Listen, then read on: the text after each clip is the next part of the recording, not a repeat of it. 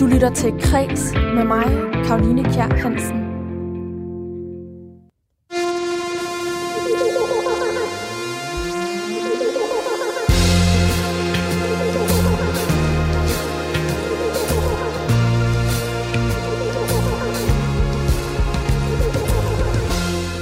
Gode kunstnere låner, men de rigtig gode, de stjæler.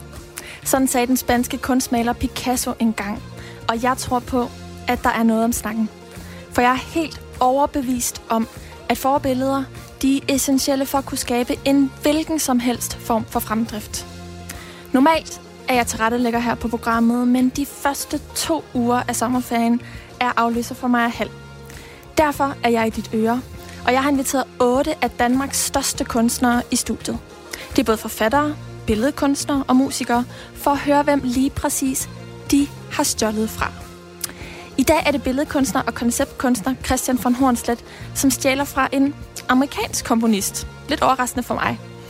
Og øh, selvom Kreds mere eller mindre er gået på sommerferie, så får du som altid et overblik over dagens vigtigste kulturhistorie.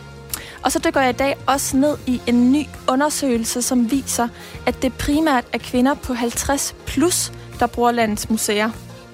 Jeg har forholdt Socialdemokratiets kulturordfører Kasper Sand Kjær til den og spurgt ham, om han egentlig helst vil poste midler i influencer for at hjælpe museerne med at nå den yngre brugergruppe, eller nærmere kunne forestille sig at give dem nogle kulturpenge. Hvad mener du egentlig om det? Mener du, at museerne, de, hvad mener du egentlig, de må bør gøre for at nå andre brugere og tiltrække for eksempel børn og unge, men måske også mænd? Skriv ind til mig på 1424. I beskeden skriver du R4, laver et mellemrum og skriver din besked. Og ellers rigtig hjertelig velkommen til Græs. Og vi begynder som altid med kort nyt fra Kulturfronten.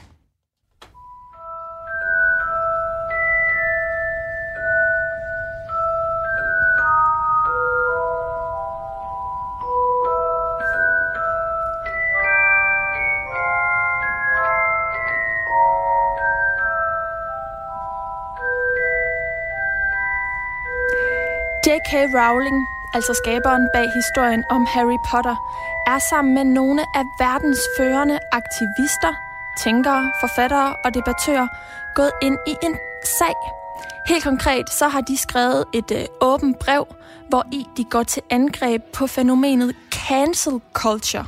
Og det her begreb, det refererer altså til, at man blandt andet boykotter, fyre og udskammer personer, man ikke er enig med i et slags koordineret angreb. Det er ofte noget, som finder sted på sociale medier, og de kritiserer det, fordi de mener, at alternativet, hvor man for eksempel vil føre en demokratisk dialog, er bedre. Brevet det er udgivet i Harper's Magazine, og her i står der blandt andet, censur spreder sig mere og mere i vores kultur. Det er en intolerance mod modsat, modsatrettede holdninger og offentlig udskamning, og boykot er på mode. Og blandt de 150 underskrivere af det her åbne brev, der finder man blandt andre feministen Gloria Steinem, den amerikanske filosof, forfatter og professor Noam Chomsky og andre populære forfattere som blandt andet Margaret Atwood. En træstatue af USA's første dame, Melania Trump, er blevet brændt ned i Slovenien nær hendes hjemby, Sevnica. Det fortæller kunstneren bag statuen i en pressemeddelelse fra Ritzau. Ukendte gerningsmænd de satte ild til statuen her om natten den 4. juli, mens amerikanerne de fejrede USA's uafhængighedsdag. Og øhm, den amerikanske kunstner Brad Downey, som bor i Berlin, han fortæller, at han fik den her ødelagte statue fjernet umiddelbart efter, at politiet havde informeret ham om episoden.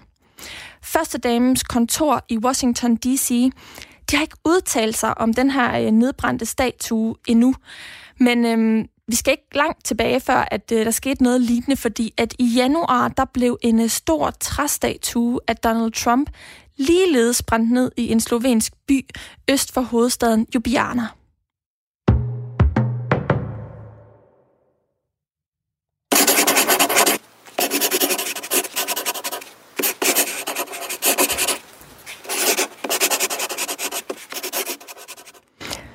Tegnere forvandler Statens Museum for Kunst til tegneserier. Det skriver museet i en pressemeddelelse. Mere specifikt så drejer det sig om nogle gamle skulpturer, som man finder på museet, og dem finder man i det, de kalder den kongelige afstøbningssamling. Den her samling den består af mere end 2.000 gipsskulpturer, og øhm, normalt så er der faktisk lukket ind til dem for publikum. Men øh, nu slår museet dørene op til samlingen, og det gør de altså sammen med syv danske tegnere, som har pustet liv i samlingen, ved hver især at udvælge en skulptur fra samlingen, og så udfolde og fortolke historien bag den i en tegneserie. Og blandt de syv tegnere, der er øhm, illustrator Line Jensen, som laver den her meget karakteristiske streg, der også har øh, været med i politikken, og øh, hun er ret stor på Instagram. Vi har også haft hende med i fredagspanelet i Kreds. Og så er der også tegneserietegner Halfdan Pisket. Tegneserierne de udstilles fra den 18. juli forskellige steder i Vestindisk Parkhus.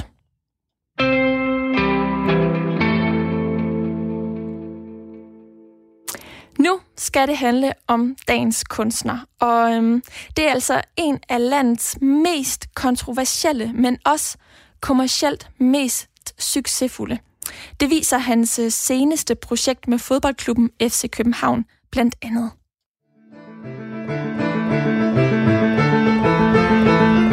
Ja, velkommen til Spil for Galleriet i en særlig edition, der foregår hen i parken. Og det her, det er, ja, det hedder jo Hornslet Gallery. Før hed det jo uh, Audi Lounge. Audi Lounge, ja. Og det her, det er Andreas Jensen, som er tidligere...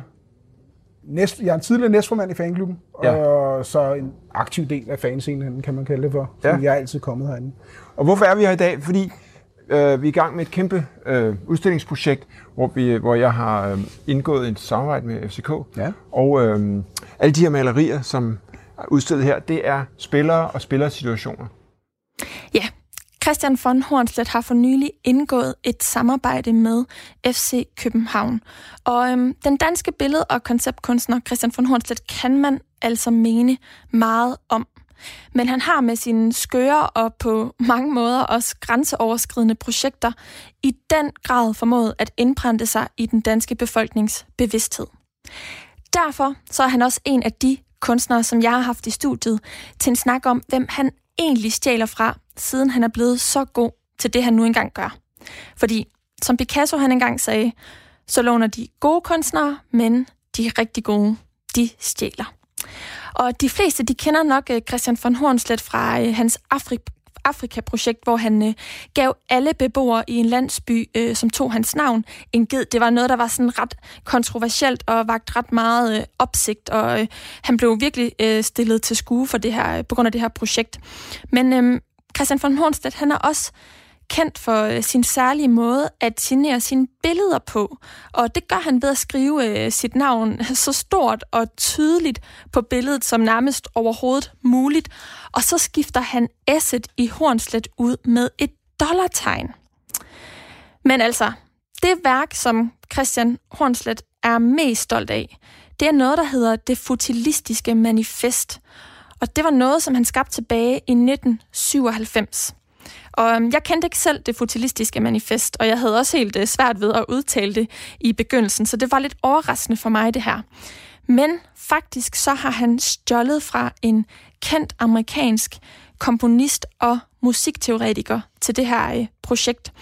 Og øh, før vi går videre til det, så bad jeg altså lige Christian om at forklare mig sådan hurtigst, kort og præcist muligt, hvad det her futilistiske manifest egentlig er, fordi Altså ærligt talt, så havde jeg faktisk lidt svært ved at forstå det allerførst. Det futilistiske manifest er en bog, en, øh, er en øh, samling af aforismer og øh, tanker omkring, hvordan vi kan bruge det meningsløse til at skubbe os selv kreativt. Og Christian, øh, hvem har du egentlig stjålet fra til det her værk? Jeg har stjålet fra ja, ja, mange, men jeg vil sige mest vil jeg sige John Cage. Hvorfor? Jamen altså, det er... Øh, det kommer egentlig... Øh, for lang tid siden, der opdagede jeg, at øh, John Cage var en slags øh, øh, tænker, konceptkunstner, meget mere end musiker. Det der med, at hvordan lever vi i den her verden? Hvordan lever vi i den støj omkring os? Hvordan tager vi verden ind? Og der bruger vi kunsten til at øh, dulme smerten eller forstå vores omgivelser. Og den måde, han ligesom erkendte, at det store sammenbrud var allerede sket i, øh, der i 60'erne, da han begyndte at sige, nej, det er ikke nok med Mozart, det er ikke nok med Beethoven og Beatles. Der er en anden og en større virkelighed bagved. Det, det kan godt gå hen og blive meget kosmisk og meget underligt og meget fremmedgørende, men det, der var noget meget smukt ved den der måde at se verden, var bare en, en stor svamp af muligheder, som vi kunne kaste os ud i, og bare mærke, at vi var til. Ja, og John Cage, hans egentlige navn er John Milton Cage, var en amerikansk komponist og musikteoretiker, og han er øh, altså den betydeligste fornyer inden for amerikansk kompositionsmusik i anden halvdel af øh, 1900-tallet. Og sådan blev egentlig også forbundet ret meget med sådan avantgarde musik i øh, 1950'erne og 60'erne. Men Christian, jeg ved, at der er et helt bestemt stykke, som du har stjålet fra. Kan du lige prøve at, at fortælle os lidt om det? Forestil dig, at du voksede op i en, øh, en borgerlig, højborgerlig øh, øh, familie i, i Nordkøbenhavn, og du, du tror, at sandheden er A, og så finder du ud af bagefter, at det faktisk er løgn, og det hele hedder B. Og det, det, det var det, jeg opdagede, da jeg hørte det værk og så øh, de omstændigheder, hvor det blev skabt, det der hedder 433, som er simpelthen bare et musikstykke, hvor øh, pianisten kommer ind på scenen, åbner klaveret, sætter stopuret, og så sidder han der bare. Der sker ikke noget. Og så efter 4 minutter og 33 sekunder, så slukker han og går ud af scenen. Og du må lige forklare mig, hvordan kan man se, at du har stjålet fra John Cage i det fuld... Futilistiske, futilistiske manifest? manifest. Øh, bare tænk på det futile, det meningsløse. ja. Ligesom vores program. Ja, det er ikke et ord, jeg bruger så ofte. Nej, det er et nyt modord. Okay. Så om et år, Nå, så går men, alle og siger det? Nej, det, det, den, den måde, jeg var inspireret på det øh, af, af, af, af Cage, det var, at når du så, så sidder og hører, ligesom du, øh, der ikke er noget at høre, så hører du den, det, det minder om meditation. Jeg ved ikke, om du har prøvet at gå på meditationskursus? Nej, det har jeg ikke. Nej, men jeg, jeg gik på et kursus en gang, jeg tænkte, det var sådan noget hippie-lort, det gad jeg ikke. Men det, jeg gik derind, og så var det sindssygt spændende, fordi sindet, de tanker, du har, når du bare sidder og tænker, at du venter på bussen, eller du sidder derhjemme, og du har slukket din iPad. Bare det, du sidder og er. Så er der en masse lyde.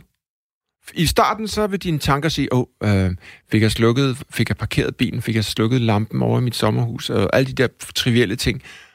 Og så, hvis du er rigtig god til at meditere, så kommer man ret hurtigt ned i sin baggrund og sin barndom. Fordi, men det gælder om at holde tanken svævende, fordi den sætter sig ligesom en ballon, rundt i lokalet, hvis du skal hele tiden puffe den opad og videre, og så kan man, og det er den støj, som, som John Cage øh, animerede os til at leve i, med at bare føle det rum, hvor folk sidder ligesom småhoster, eller stønner, eller mærker. De der små lyde, der gør, at der ikke... Så det simpelthen fremhæver den, en eller anden form for ultimativ nærvær. Og hvordan ser man det i det futilistiske manifest? Fordi det futilistiske manifest, som jeg skrev i frustration, i, øh, da jeg gik på arkitektskolen omkring, øh, da der var meget ind og tale om dekonstruktivisme, og hvordan kommer vi videre efter Arne Jacobsen, og hvad...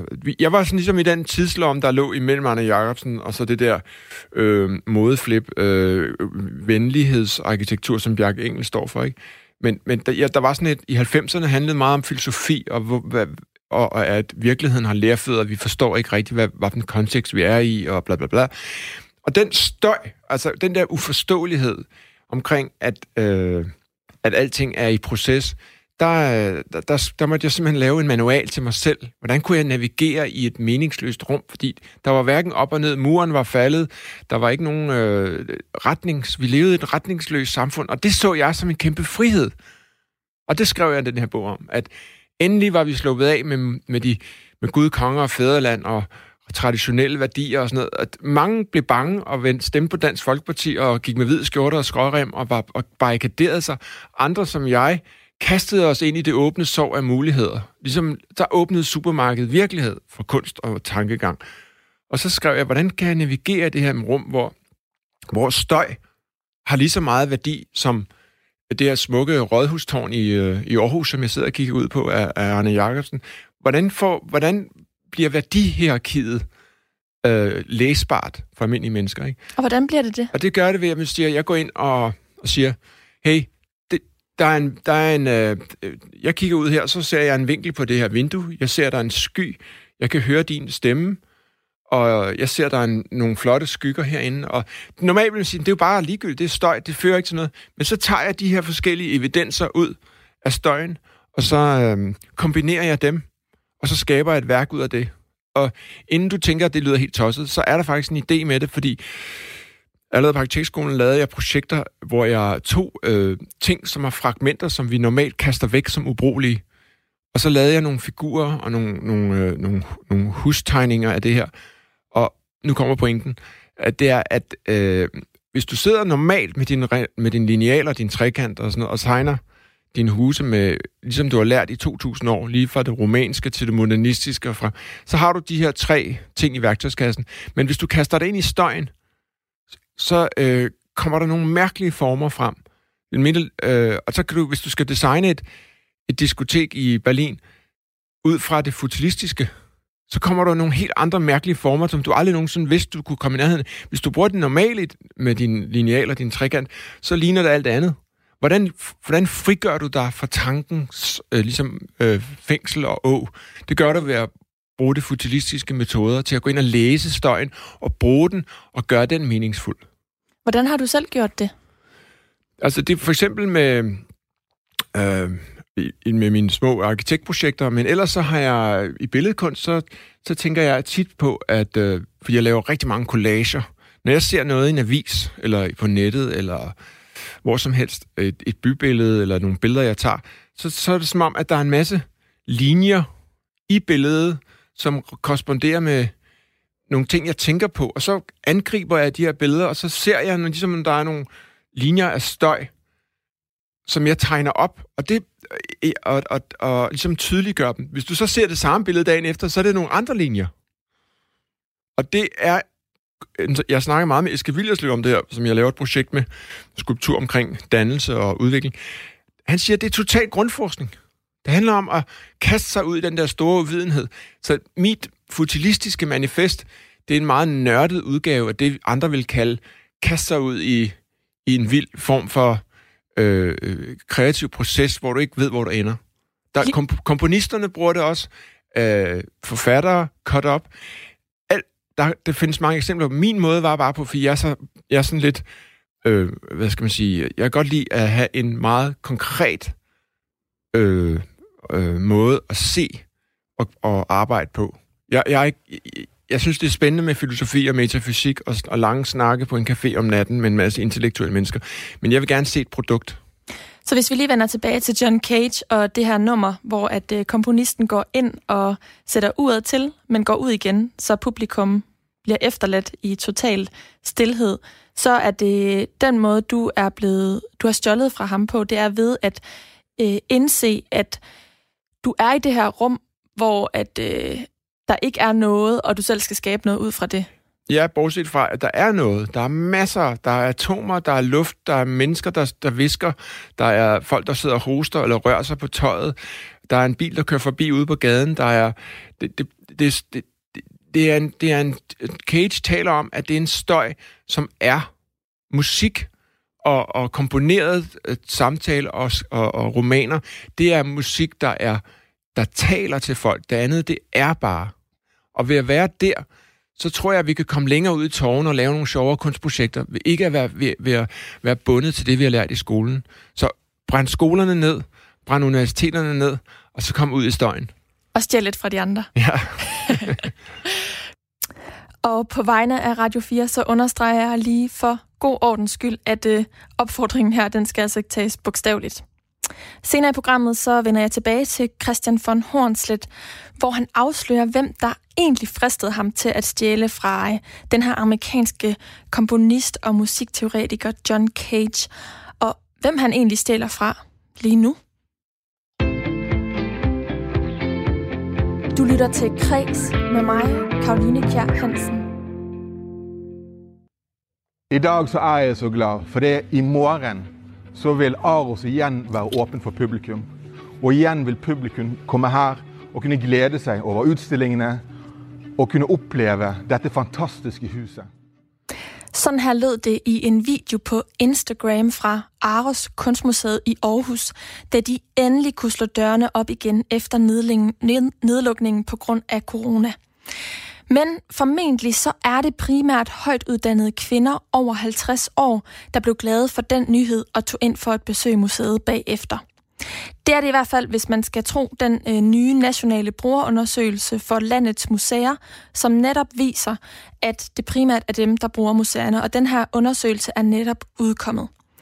Tidligere i programmet, der øh, spurgte jeg jer, hvad I egentlig mener, at museerne de bør gøre for at nå andre brugere og tiltrække flere børn og unge, men også for eksempel mænd. Jeg kunne godt tænke mig at høre fra dig, der sidder med og lytter derude. Hvad mener du egentlig? Altså, hvad, øh, går du på museum, og hvis ikke, hvad skal vi så egentlig, hvad skal museerne gøre for at få dig ind i øh, deres bygninger? Skriv ind til mig på øh, sms'en. Du skal skrive til 1424, skriv R4, lav et mellemrum og skriv din besked. Men den her rapport, vi vender lige tilbage til den, fordi Franziska Rosenkilde, kultur- og fritidsborgmester i Københavns Kommune, hun har været ude og kommentere på undersøgelsen, fordi inklusion af andre brugergrupper er netop et område, som øh, de i kommunen har prioriteret at sætte midler af til. Og øhm, det fik mig til at tænke lidt over det, fordi jeg synes egentlig, at det ikke kun er i Københavns Kommune, at det bør prioriteres. Jeg synes egentlig, det burde sådan blive prioriteret i hele landet, og alle skulle have mulighed for sådan at blive opfordret til at gå på museum og få tilbudt øh, nye muligheder inden for museets, museernes bygninger. Og derfor så spurgte jeg Socialdemokratiets kulturordfører Kasper Sand Kjær, hvordan han egentlig forholder sig til den her undersøgelse. For os som, som socialdemokrater, der er det jo helt afgørende, at kulturen både er øh, tilgængelig og, øh, og relevant for, øh, for alle danskere, og i hvert fald for flere end, end for eksempel museerne øh, er det i dag. Jeg tror, museerne har en stor opgave i selv at gøre sig øh, relevante og tilgængelige, men det er selvfølgelig også noget, vi politisk skal være med til at, at understøtte. Franziska Rosenkilde, som er kultur- og fritidsborgmester i Københavns Kommune, hun har været ude og kommentere på undersøgelsen i et indlæg på kultursejtet Kulturmonitor. Og her i der forklarer hun, hvordan de i Kultur- og fritidsudvalget har afsat 350.000 kroner til et initiativ på Torvaldsens Museum, øh, som gør, at børn og de voksne nu kan komme ind på museet og blandt andet sammen lære at modellere, tegne og komme med på byvandringer og høre om Bertel Torvaldsen. Og øh, der er også blevet oprettet gratis masterclasses for unge, der gerne vil lære øh, at modellere. Og i løbet af sommeren, der rykker museets folk så også ud med modelleringskits og er til stede i flere offentlige, øh, på flere offentlige legepladser. Øh, hun skriver også, at øh, de laver sådan et øh, fordybelsesevent øh, med populære DJ's og kombinerer talks med kulturpersonligheder, som skal inspirere med ny viden. Kunne du forestille dig, at den her slags den øh, udbredes til alle lands museer, og at øh, der bliver lavet en national indsats på det her område?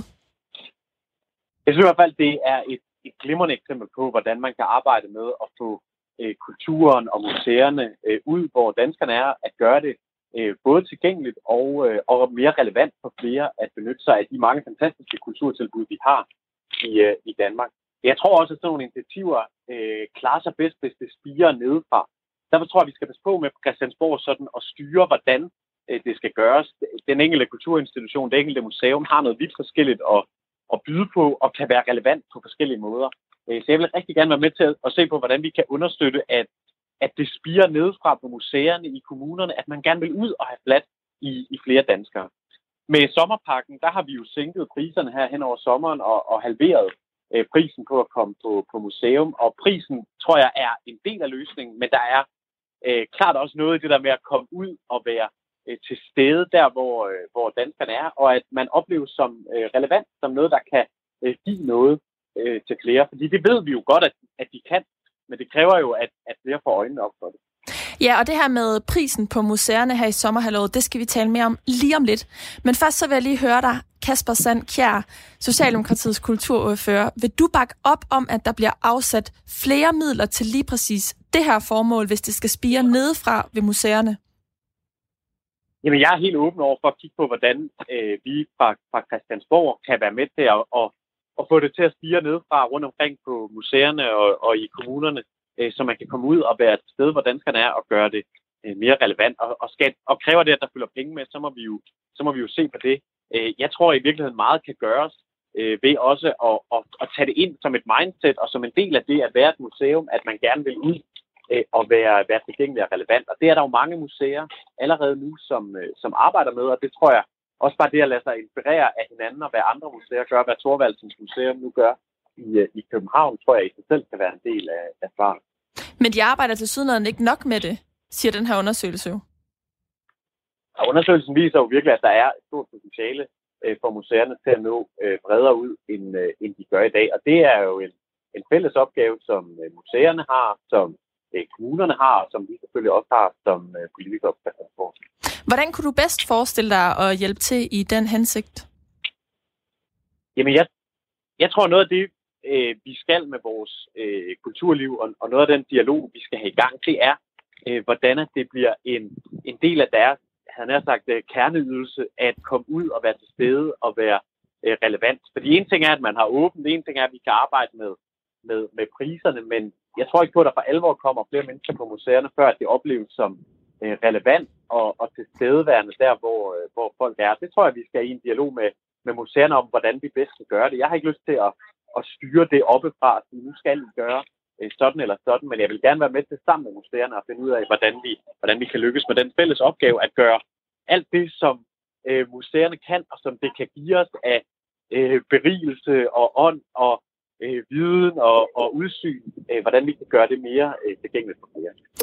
Ja, lige nu så er der øh, mange ældre, som ikke tør at gå på museet, og vi ved jo ikke helt, hvordan coronasituationen den fortsætter, men man kan vist godt sige, at noget af det her grå guld er ved at falde med i museumsinspektørernes øjne. På den lange bane, så bliver det simpelthen nødvendigt, at museerne de når ud til de unge. Og øh, for at jeg kan forstå, hvor villig du egentlig er til at hjælpe museerne med at udnytte deres potentiale og komme ud til de her nye borgergrupper, så har jeg opstillet tre scenarier for, hvordan jeg mener, du for eksempel kunne nå den yngre generation. Men jeg vil høre, om du er villig til at øh, kaste penge i den retning. Og øh, det første scenarie, det er, at øh, det her initiativ med halv pris på museerne, som vi ser lige nu, at det fortsætter. Kunne du forestille dig det? Kasper Sandkjær? Jeg synes, vi skal se på, hvad, hvad kommer det til at betyde hen over sommeren, at der er, er halv pris. Og viser det sig, at folk de strømmer øh, til museerne, og særligt den unge målgruppe øh, nu benytter sig af, af flere kulturtilbud, end, øh, end de gjorde før, så er jeg helt klar til at se på, øh, om vi kan være med til at, at understøtte, at det bliver øh, billigere at gå på museum i fremtiden. Tilbage i 2016, der var en del af Alternativets samlede finanslovsudspil for 2017, at de unge de skulle have de her såkaldte kulturpenge. Altså helt konkret, så ville de give unge, der fyldte 18 år i 2017, 3.700 kroner til kultur hver. Og øhm, kulturpenge til unge, det er faktisk noget, der har været en realitet i Italien. Kunne du forestille dig at bakke op om et lignende forslag på nuværende tidspunkt? Jeg synes i hvert fald, det er spændende at se på, hvordan hvordan vi kan gøre det øh, mere tilgængeligt, og, og, øh, og man kan sige i virkeligheden sådan også bane lidt af vejen for, at de unge får øjnene op for, for det, som, som vores kulturtilbud kan. Det er jo noget af det, som det, som det kongelige teater eksperimenterer med, hvor øh, unge og studerende kan, øh, kan købe øh, nærmest sådan et streaming-abonnement med adgang til, til de ledige pladser i, øh, i det kongelige teater. Og måske man kunne lade sig inspirere af det, øh, også ude på, øh, på museerne, når det jo er en målgruppe, de i dag ikke når, og ikke får, øh, får fat i, ja, så, sige, så er det jo kun øh, ekstra penge øh, i kassen, hvis, hvis de kommer ind, også selvom at det er øh, til en billigere øh, entrébillet eller øh, med nogle penge i hånden. Så du er ikke afvisende over for det forslag? Absolut. Godt. Sidste mulighed, som jeg øh, synes, du kunne overveje, om, skulle være en, om det skulle være en idé, det er altså at kaste penge efter unge influencer på sociale medier, som for eksempel Instagram og YouTube, der så kan reklamere for museerne. Er det noget, som du kunne forestille dig, der blev en national indsats øh, for? Altså, hvordan at, at, at museerne markedsfører sig til, til, til nye målgrupper, så det, det synes jeg egentlig er deres øh, anlæggende. Det, det, det tror jeg ikke, at vi kan gøre særlig effektivt øh, for Christiansborg. Øh, jeg synes i hele taget også, at vi skal være lidt påpasselige med at bruge øh, de her såkaldte influencers til at, at fremme sådan øh, politiske sager. For jeg synes også, at vi har set mange eksempler på, at de så også promoverer øh, for eksempel et, et, et forfejlet øh, kropsbillede øh, til unge piger og andet. Og, og, og hvis vi først begynder at bruge dem som reklamesøjler for det, vi kan opnå øh, politisk så er vi jo også med til at legitimere, at, at unge skal følge deres budskaber, også når vi så ikke synes, det flugter øh, med det samfund, øh, vi gerne vil have. Så det vil jeg være skeptisk overfor, men, men jeg synes, det er op til, øh, til det enkelte museum at finde ud af, hvordan at de bedst øh, når de, øh, de nye målgrupper. Okay, så øh, ingen influencer, men måske kulturpenge og måske halvpris på museerne. Ja, og, og jeg tror, altså, det, det kan da godt være, at der skal følge nogle penge med øh, nationalt fra. Jeg tror i virkeligheden meget vil man kunne gøre øh, ude, på, på det enkelte, ude på det enkelte museum, fordi når det i dag er en målgruppe, øh, man, ikke, man ikke når, så kan det godt være, at de så betaler en lavere entrébillet, men det er jo så trods alt nogle penge, man ellers ikke havde øh, fået ind. Så jeg er slet ikke sikker på, at det betyder, at vi får Christiansborg skal sænke øh, penge med. Jeg tror i virkeligheden, det var noget, øh, museerne kunne have, have god gavn af i forlængelse af sommerpakken selv og eksperimentere. Jeg er spændt på at se, hvordan de øh, kommer til at eksperimentere med det fremadrettet, og om de kommer til det, museerne vil at mærke. Kasper Sandkjær, kulturfører for Socialdemokratiet. Tak fordi du var med her. Ja, selv tak. Du lytter til Kreds med mig, Karoline Kjær Hansen.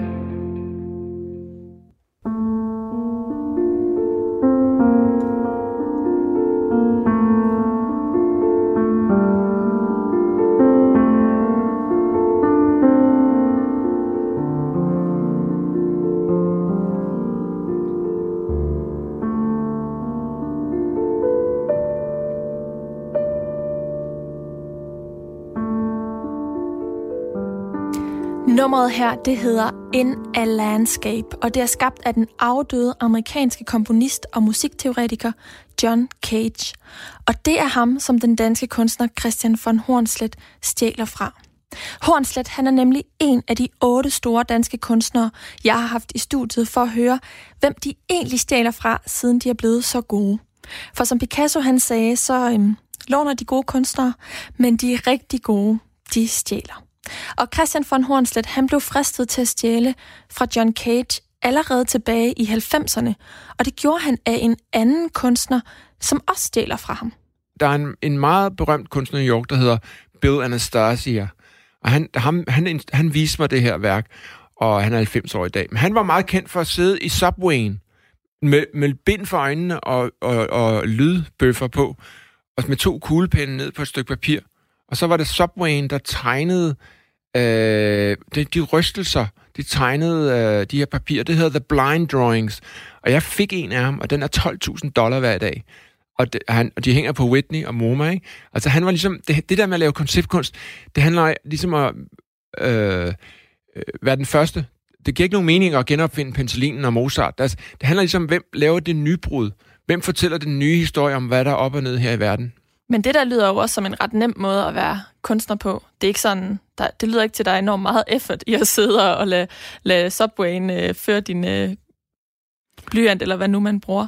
Jo, altså det tager jo sådan, øh, det, tager, det, det tager jo en god idé. Altså det at tænke, at det er verden, der tegner dig, i stedet for at du går ned på dit fucking aftenskolekursus og tror, du kan male. Ikke?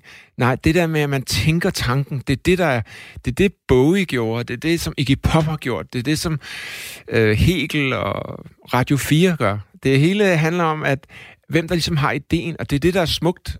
Vi behøver ikke værket som sådan. Det, det kan godt være med, og det er fysisk, og det er flot at se på, men hvis ideen ikke er der, så er der ingenting. Men Christian, du stødte på John Cage i øh, New York. Og øh, du kommer ikke fra en særlig kunstnerisk familie. Du, er, du gik på Herlufsholm øh, kostskole, og så studerede du øh, fra 1983 til 1986 læste du geologistudier på Københavns Universitet, og fra 1987 til 88 der læste du på Copenhagen Business School. Derefter så kom du ind på arkitektskolen i København. Hvordan søren endte du i øh, kunstmiljøet derfra? Når jeg tænker tilbage på det her, og jeg har selvfølgelig tænkt over det, det er noget, man er født med, men med sådan en nysgerrig DNA, fra, lige fra da, min, da de ringede hjem fra den katolske skole i Ordrup, og sagde, at øh, Christian tror ikke på Gud. Hvad gør vi? Ikke? Altså, jeg spurgte de her meget, meget søde nonner, tror I selv på det her gas? Altså, der er jo ikke noget deroppe. Eller, og det, Hvad fik jeg, dig til at sige det? Det, tænker jeg er en ret vild tanke at sådan sige som barn, at, ja. at, at stille sig mod det, som, som alle tager, som det, for, tager for ja, gode varer. Jeg aner ikke, hvor det kom fra, men jeg var meget diplomatisk i min øh, henstilling. Og, og efter at have sunget morgensang der i, i overvis, så tænker jeg, at de deres, deres guddyrkelse og sådan noget. Min far var også meget artistisk. Han er videnskabsmand. Han sagde også det. Jeg tror, jeg var lidt farvet af det også. Og øh, øh, hvad var det, du spurgte om? Nå jo, så... Nå, Hvordan det, du overhovedet kom ja, ind i det kunstneriske miljø? Jamen, det, det har ligget i DNA'et, og så kan jeg huske, at jeg havde en, en stor succesoplevelse i 4. og 5. klasse, hvor jeg lavede et teaterstykke med Rødhætte, der blev opført for hele skolen.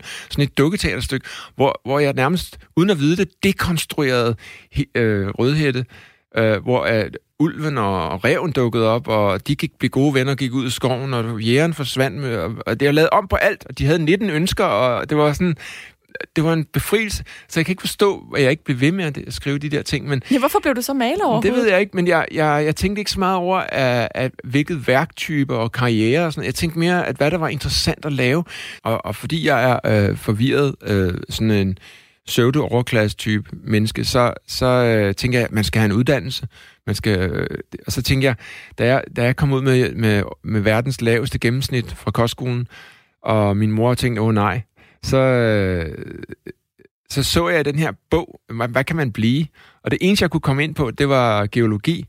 Og så så jeg tilfældigvis en annonce i National Geographic, så stod sådan en geolog op på et bjerg med et Rolex-ur, og i en stor vindjakke, og US Geological Survey, og sådan det, det der, det skal jeg. Jeg skal ikke på kontor. Alle mine kammerater, de skulle i AP Møller og i bank. De sidder alle sammen i London nu og tjener kassen. Men jeg, jeg, jeg kunne ikke se mig selv på kontor. Jeg tænkte, jeg skal være geolog. Det jeg så fandt ud af, det var, selvom det var nemt at komme ind, det var mega svært. Det er fysik og kemi på højeste plan. De geologer, vi har i Danmark, er de vanvittigste.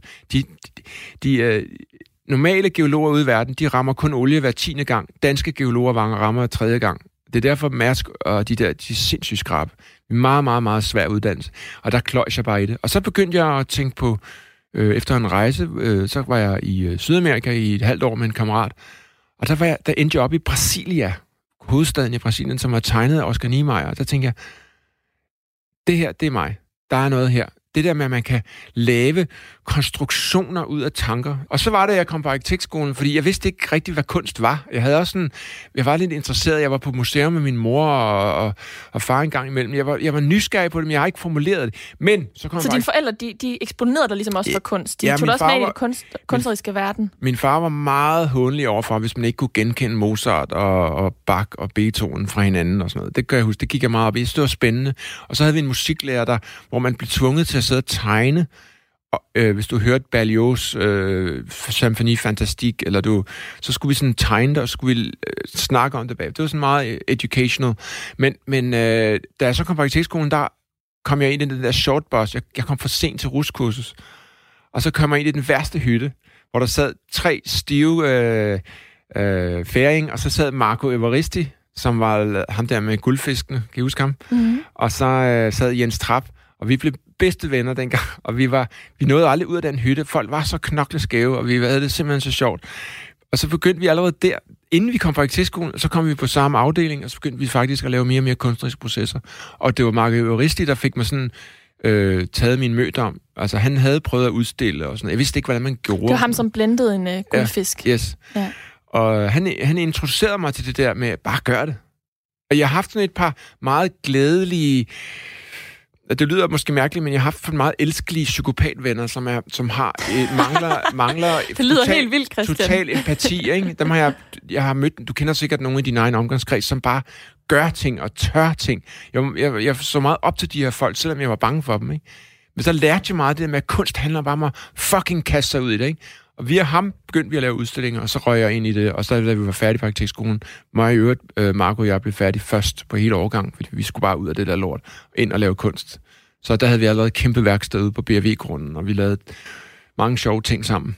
Så man kan sige, at dine forældre de, øhm, har en, en lille smule betydning i forhold til det, den person, du er endt ud med at være i dag, men at det i høj grad også har været de relationer, som du har mødt på din vej, der har været med til at skubbe dig i den her kunstneriske retning. Ja, som der var en, en meget, meget sød asiatisk pige, der sagde til mig, da jeg udstillede i mange, mange år siden i New York, øh, hvor jeg troede, jeg skulle have en karriere derovre. Så, så kom hun ind og så den her store udstilling, jeg havde på Manhattan.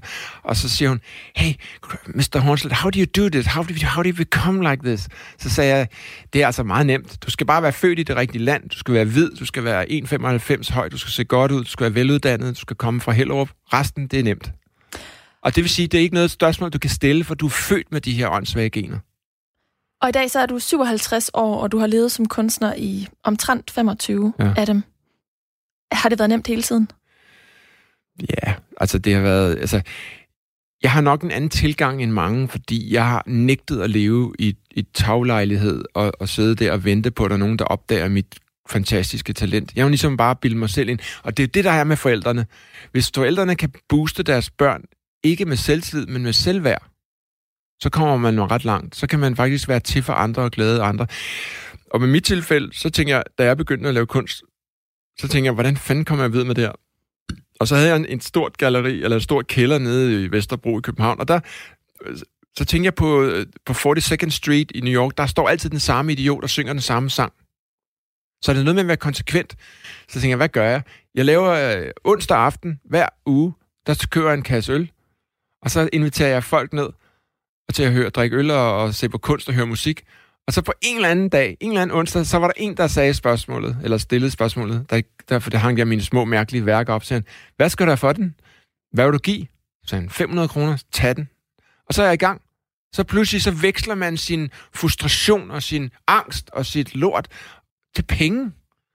Altså, hvis du har så meget verdensangst og så meget bekymring, som jeg egentlig har, men, som jeg prøver sådan at dope op med humor og selvironi. Men så øh, på et eller andet tidspunkt, så tænker jeg, okay, hvad nu, hvis jeg kunne leve af det her? Ikke? Du har sikkert et eller andet, som du har meget af i dit liv. Øh, en eller anden følelse. Hvis man kan omsætte den til at glæde andre og tjene en skilling, så er det, så er det ligesom kørt siden da. Jeg bare øh, solgte det ret billigt. Altså, alt, altså aktier, det er jo det samme som kunstværker. Det er jo kun værd det, som, øh, som de vil give. Kunstbranchen er jo fyldt med svindlere, fordi de tager jo alt for meget for deres kunstværker. Når du hiver et flot galleri ud fra et galleri og smider det på auktion, de får jo ikke en tiendel. Så det, det er jo også en meget, meget boble, der er mange jakkesæt, der er meget champagne, der er meget bilrige mennesker ind, at det er kunst, der er noget værd. Altså, det, det er også en sjov, den del af dem. Det er et andet program. Men du vil stadig gerne have penge for dine malerier? Jo, jo, men jeg synes, det skal have en, en værdi, som svarer til markedsprisen. Det synes jeg har været meget interessant, og det har hjulpet mig ved at, være, ved at holde mine priser ret langt nede hele tiden. Hvordan føles det at prissætte dine malerier ret lavt i forhold til andre? Øh, jeg føler, det er en del af hele John Cage-projektet, fordi hvis jeg ikke kan leve op til den støj, jeg lever i, altså at det har en vis markedsværdi, det nytter jo ikke noget, at man køber et billede, og så at det ikke er det værd, når du træder ud af butikken. Det er jo ikke en Gucci-taske, vel? Når du går ud af den butikken, så har den tabt halvdelen af pris. Når du kører din nye Golf, så har den allerede tabt 40.000, bare du går ud af butikken. Sådan skal det ikke være. Der skal være en eller anden form for... Og der bliver det smukt, at det ligesom hænger sammen. Så øh, når jeg selv pladerer i mit, mit kunst for, at der ikke skal være mere altså stop for hyggeleri og svindel og bagvaskeri og den vestlige verden og den hvide mand smadrer planeten og, så, øh, så tænker jeg, så må jeg også selv ligesom feje for andre. Og jeg kan godt lide, at der er en, en, en reel markedsværdi. Altså, så, og specielt fordi jeg har øh, meget stærke øh, venstreorienterede tendenser i mit, i mit liberale sind. Så i, i virkeligheden, når du prissætter dine billeder lavt, så er det fordi, de ikke er særlig meget værd? De er det værd, folk vil give. Ja, det er jo så op til den enkelte at vurdere, hvor meget Christian von Hornslets værker de er værd. Men øhm, det projekt, som Hornslet han arbejder på i øjeblikket, det handler på mange måder også om økonomi. Og øhm, til det har han altså igen stjålet fra John Cage. Lige nu arbejder jeg på en, øhm, et kæmpe projekt, som, som hedder Hjemløsprojektet, Homeless Tracker Projects, hvor jeg øh, prøver at privatisere hjemløshed i London sammen med en engelsk filminstruktør. Hvad betyder det at privatisere hjemløshed? Ja, altså jeg boede i London, så, så, så undrer jeg mig over, at øh, ligesom når man ser noget i avisen, og man tænker, var det, det er egentlig mærkeligt, det er sådan, ikke? Man undrer mig over verden. Så undrer jeg mig bare over, at der var 100.000 hjemløse i verdens rigeste, fedeste, fantastiske by. Hvad, hvad er det, de ikke gider? Hvad er det, der ikke fungerer? Altså, og så tænker jeg, okay, så lavede vi et projekt om, og, og ligesom at lave en parodi på kapitalismen for englænderne, de privatiserer alt, ligesom Margaret Thatcher har smadret hele økonomien derovre. Så, øh, og, og, og det der med, at øh, bankerne ikke skal betale skat, og de rige skal have mere, og det skal der gang i, og det der trickle-down-økonomi, som ikke virker, og bla bla bla. Det er så endt i, at der er flere hundredtusind hjemløse i London. Og jeg, jeg tænker, hvordan, hvordan kan vi ligesom lave en, en parodi og et projekt om det? Så tænker vi, okay, hvad nu hvis vi privatiserer hjemløshed? Og det gør vi ved, at øh, vi laver nogle meget, meget flotte guld- og sølvmalerier af de hjemløse. De hjemløse får en GPS-tracker på armen, og så laver vi nogle aftaler med dem. Og så øh, sælger vi de her billeder, inklusiv et års abonnement, så kan du se, hvor din egen hjemløse går rundt, og det er kun dig, der kan se det. Så på en måde, så køber du der underholdning, og den hjemløse får halvdelen af pengene, og alle er glade. Den rige kan blære sig nede på poppen, og nu har han sin egen hjemløse, som han kan han kan, han kan spille Pokémon med ham, han kan spille, øh, han kan lege, at det er en slags øh, øh reality-tv, det er nærmest en slags Kardashian, bare med rigtige mennesker, men nu med hjemløse, det, og vi kan også diskutere overvågning, fordi vi, vi, vi, øh, vi, vi betaler gerne hundredvis af kroner om måneden for, at Google kan stjæle vores data, som de kan putte ind i noget AI-computer senere, så dig og dine børn bliver afhørt, når de skal søge job om 20 år, fordi så har de flere datapoint på dig, end du ved om dig selv. Det vil sige, de kan se, hvornår du får Alzheimer, og hvornår du bliver øh, for stress. Det vil sige, vi giver vores data væk. I det mindste, de hjemløse, de får penge for at blive forfulgt. Ikke? Så igen er der en parodi på overvågning. Og så, øh, så er det privatisering, det er overvågning, og det er reality-tv. Alt det, der har ødelagt vores øh, menneskelige selvværd. Og hvem har du stjålet til det? Det kommer så fra... Øh, øh, helt tilbage fra da jeg lavede Afrika-projekter og andre sådan smagen for de her lidt større årlange projekter. Og det kommer fra, at, at øh, igen får du kigge ind i støjen. Du sidder og ser noget i din verden, og det er, det flimrer for dig. Du kan se, der er nogle hjemløse, der er nogle problemer, der er nogle politikere, der stjæler, der er nogle milliardærer, som snyder i skat, der er nogle fattige mennesker, der, der ruder rundt. Og pludselig så opstår den her tanke på grundlag af noget. Jeg tænker ikke engang, om det er kunst eller ej. Lav det bare.